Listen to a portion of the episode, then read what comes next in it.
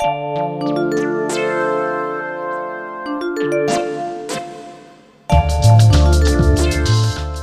og velkommen tilbake til en ny episode av podkasten Sofasnakk. Jeg heter Cecilie. Og jeg heter Heidi. Vi er psykologer i Bergen kommune, og vi håper at denne podkasten kan være nyttig for dere ungdommer, men også for lærere og foreldre.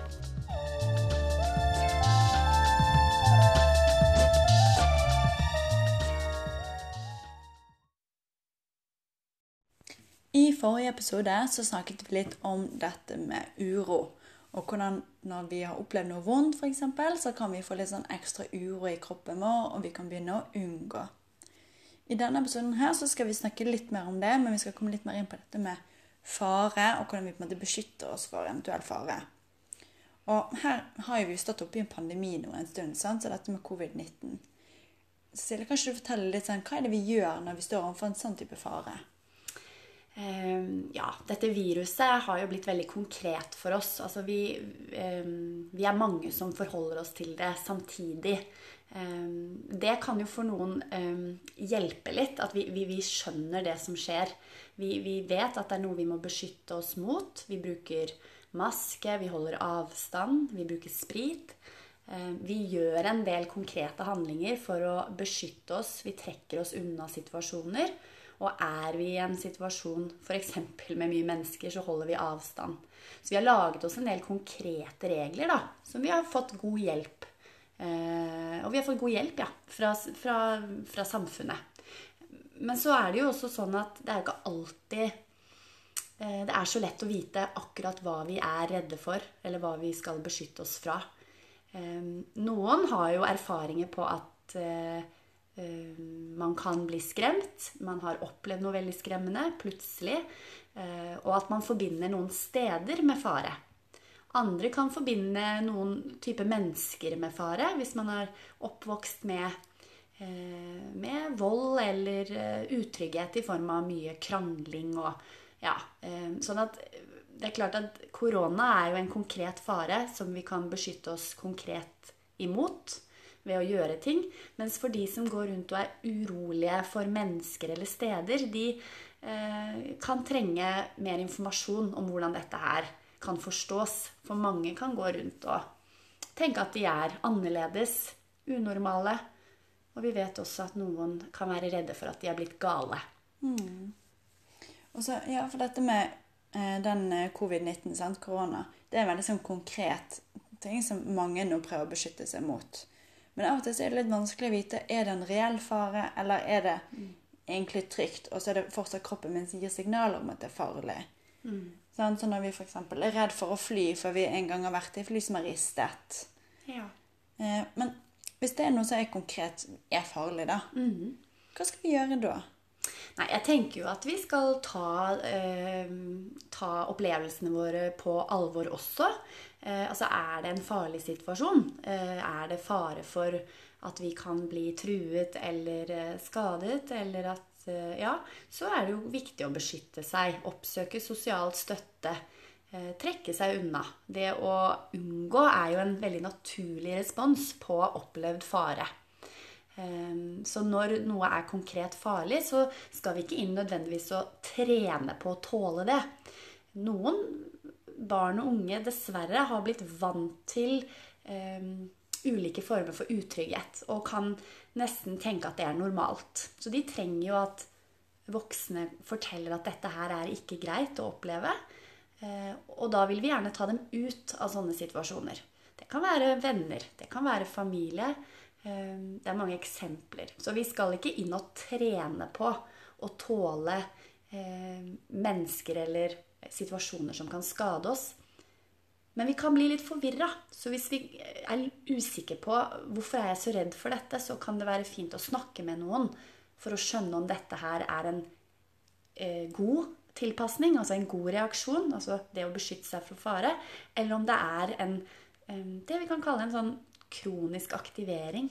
Mm. Og det føles som om blitt litt for stor og kanskje ikke helt passer med situasjonen lenger. Ja, men det kan jo skje sånn med covid-19. Noen kan bli veldig redd. Ja. Noen kan holde seg hjemme og unngå all kontakt med andre mennesker. Og kanskje de blir veldig engstelige når de går ut. Ja, og at det er vanskelig å finne et trygt sted. Altså, En ting er jo at mange kan føle seg trygge hjemme i egen stue. Men at det er jo viktig å eh, øve på å finne tryggheten igjen der ute. Mm. Men noen forhåndsregler er det jo fremdeles viktig at vi tar. Eh, Men vi møter jo også barn og unge og voksne som har behov for støtte til å oppdage at verden er trygg igjen. Og da er det litt ok å forstå litt mer av hvordan hjernen vår fungerer.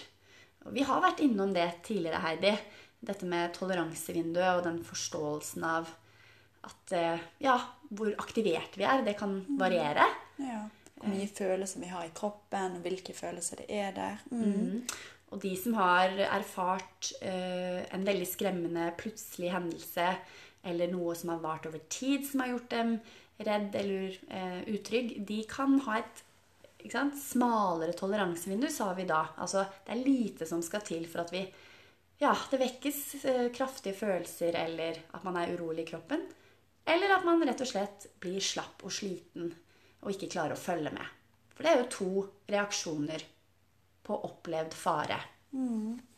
Og så sånn når vi har vært redd for noe, da, og så er det situasjoner eller lukter eller stemmer som gjør at vi på en måte vekker de samme følelsene igjen.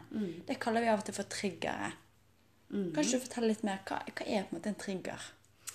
Um, en trigger vi kan, Det er jo på en måte en på, påminner. Eller altså det kan være en hendelse altså Det kan være et sted, det kan være et menneske, det kan være en lukt. Eh, noe som minner oss på det som har vært farlig, og som vekker på nytt de sterke opplevelsene som vi har hatt før. Man kan oppleve egentlig at det skjer igjen. En trigger kan eh, vekke en reaksjon som gir oss en opplevelse av at faren er eh, til stede igjen. Eh, Så det å få litt oversikt over disse triggerne, det som kan påvirke oss og skape uroen igjen, det, det er viktig, et viktig arbeid. Som vi kan bidra med også. Ja. Um, Men det handler jo litt om hvordan eh, hjernen vår håndterer fare. Fordi at skremmende minner eh, er gjerne veldig sånn oppdelte. Det er jo litt sånn Altså minner som har vært litt skremmende, de kan vi tenke over. Vi kan eh, tenke at ja, ja, men det går nå bra, jeg kjenner jeg er litt redd. Men vi kan reflektere over dem. Vi kan liksom ta kontroll over minnene. Men minner som er veldig skremmende, de er gjerne veldig sånn eh, Vi sier fragmenterte, det er liksom komplisert ord. Men de er liksom lagret på en litt annen måte i hjernen. Litt sånn oppsplittet. Sånn at vi, når vi tenker på de, så blir det såpass voldsomt at vi klarer ikke å reflektere over minnene våre på samme måte. Eh, sånn at eh, vi kan ha litt behov for hjelp til å roe oss ned eh, hvis vi blir trigget eh, av en lukt, f.eks. En lukt som minner oss om noe som vi har opplevd før. Eh, og da har vi en del teknikker som kan være til hjelp for det. Men kanskje vi kan komme noen eksempler på hvordan det kan være. For sånn Når du sier lukt, sånn, så tenker jeg på det kan jo ha vært Kanskje du opplevde at det brant, og så Ja. har du kjent lukten av røyk. Og da kan den lukten av røyk på et senere tidspunkt den kan gi deg en følelse i kroppen. Selv om du ikke helt husker at det var den brannen som skjedde, så kan du tenke på det og kjenne følelsen i kroppen. Og bli urolig i kroppen av den lukten. Ja, og vi, hjernen vår husker jo eh, lukt mye bedre enn f.eks. ord. Altså Lukt er en veldig intens opplevelse som hjernen vår lagrer, altså som vi husker veldig godt. Så mange vil jo fortelle nettopp det. At eh, jeg, har, jeg har erfaring med at når jeg lukter uh, røyk eller den type parfyme, eh, at det skaper en opplevelse av å gjenoppleve. Altså at man er tilbake på det tidspunktet når det skjedde. Og det kan bli veldig slitsomt å oppleve at man ikke klarer å skille mellom det som skjer nå, og det som skjedde da. For et eksempel er jo at jeg hører, eller jeg smaker, eller jeg lukter røyk. ikke sant? Og at det da gir en opplevelse at nå, nå opplever jeg det. Nå, nå er brannen her igjen. Og det handler om at minnet er såpass oppdelt. Vi klarer ikke å samle oss Vi klarer ikke å tenke til oss selv og si 'Det skjedde da. Jeg er trygg nå'. Man må øve på, man trenger hjelp til å klare å skille mellom nåtid og det som skjedde da. For det var jo det som skjedde da? Tilbake i tid, som var veldig skremmende. Så er det på en måte ulike grader av dette. Sant? Så alle kan jo kjenne på dette i, mindre grad, uten at det handler om at vi tror vi er tilbake i den tiden. Vi kan jo kjenne på det når vi kjenner lukten av eh, samme parfymen som foreldrene våre bruker, eller hvis vi kjenner lukten av en samme parfyme som ekskjæresten har brukt. Sant? Ja. Så gir det òg en Man kan få en følelse, eller man kan få en stemning. Og så kan vi huske tilbake igjen. Eller kanskje ikke vi helt husker å komme på hvor vi har lukten ifra, men vi kjenner at vi får en stemning allikevel. Ja, for det vi snakker om her, er jo normale reaksjoner. Det forklarer eh, Det vi opplever, kan forklares av hvordan liksom, hjernen fungerer, som er helt normalt hos alle mennesker. Men så er det klart at eh, noen av oss kjenner mer på dette fordi at eh, disse normale reaksjonene har kanskje blitt en del av vår måte å være på. Da. Eller vi tror kanskje at oi, vil det være sånn for alltid? Eh, så der kan det være godt å få litt informasjon. Forstå at eh, de, de tankene man har om seg selv og andre, det kan forklares eh, ut ifra hva man har opplevd, og at man kan få hjelp til å skjønne hvilke normale reaksjoner man har. Og ja, også noen teknikker og hjelp i forhold til å håndtere det når det blir forstyrrende. For det er jo det vi gjerne eh, har fokus på, Heidi, når dette blir forstyrrende i hverdagen, og det går utover livskvalitet. Altså hvordan vi har det. Ja. Hvis du skal si én ting da, som man kan gjøre hvis man kjenner på dette Ja, mener du, ja, Hvis vi kjenner på en uro, eller at vi blir trigget av noe, at vi blir minnet på noe som vi forbinder med fare. Um, det som kan være greit å huske på, er jo at når vi bruker pusten vår, så kan vi eh, litt ulikt Altså det kommer litt an på hva slags type pust vi prøver på. Eh, Altså Vi puster jo helt normalt av oss selv. Vanligvis trenger vi jo ikke tenke over det. Og det er jo fint. Vi trenger ikke tenke at vi må puste. Det bare skjer.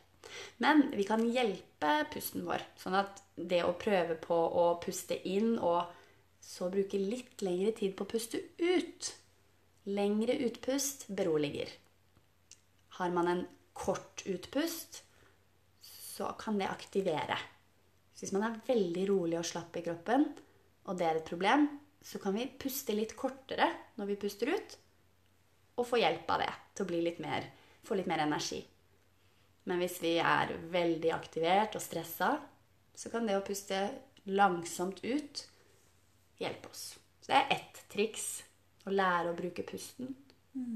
Men Heidi, det finnes jo andre metoder òg. Det er jo noe med å kanskje lære seg hva som kan funke, da. Ja. Og vi har jo snakket litt i andre episoder om ulike ting. sant? Når vi snakket om toleransevinduet, f.eks., så kom vi der med flere eksempler på hvordan man kan både øke opp og redusere den energinivået i kroppen. Og så er det jo egentlig det som vi snakker om i de fleste episoder, det om å ta kontakt med voksne, enten noen som jobber innenfor helse, eller foreldre eller andre, for å få litt hjelp til å sortere og finne ut hva er det jeg trenger her jeg står nå. Mm. Det er godt for oss å føle at vi er normale, og at det er mulig å forstå, og at det finnes håp. Og det kan vi bidra til. Det finnes god hjelp i skole, eh, helsestasjoner, og så, ja Vi psykologer ønsker også å lytte til dette. Mm. Det var en kort introduksjon. Ja. Det kommer mer om eh, dette temaet og andre temaer seinere i andre episoder. Ja, og dere må gjerne ta kontakt og komme med forslag hvis dere ønsker det. Mm. Ha det bra. Ha det.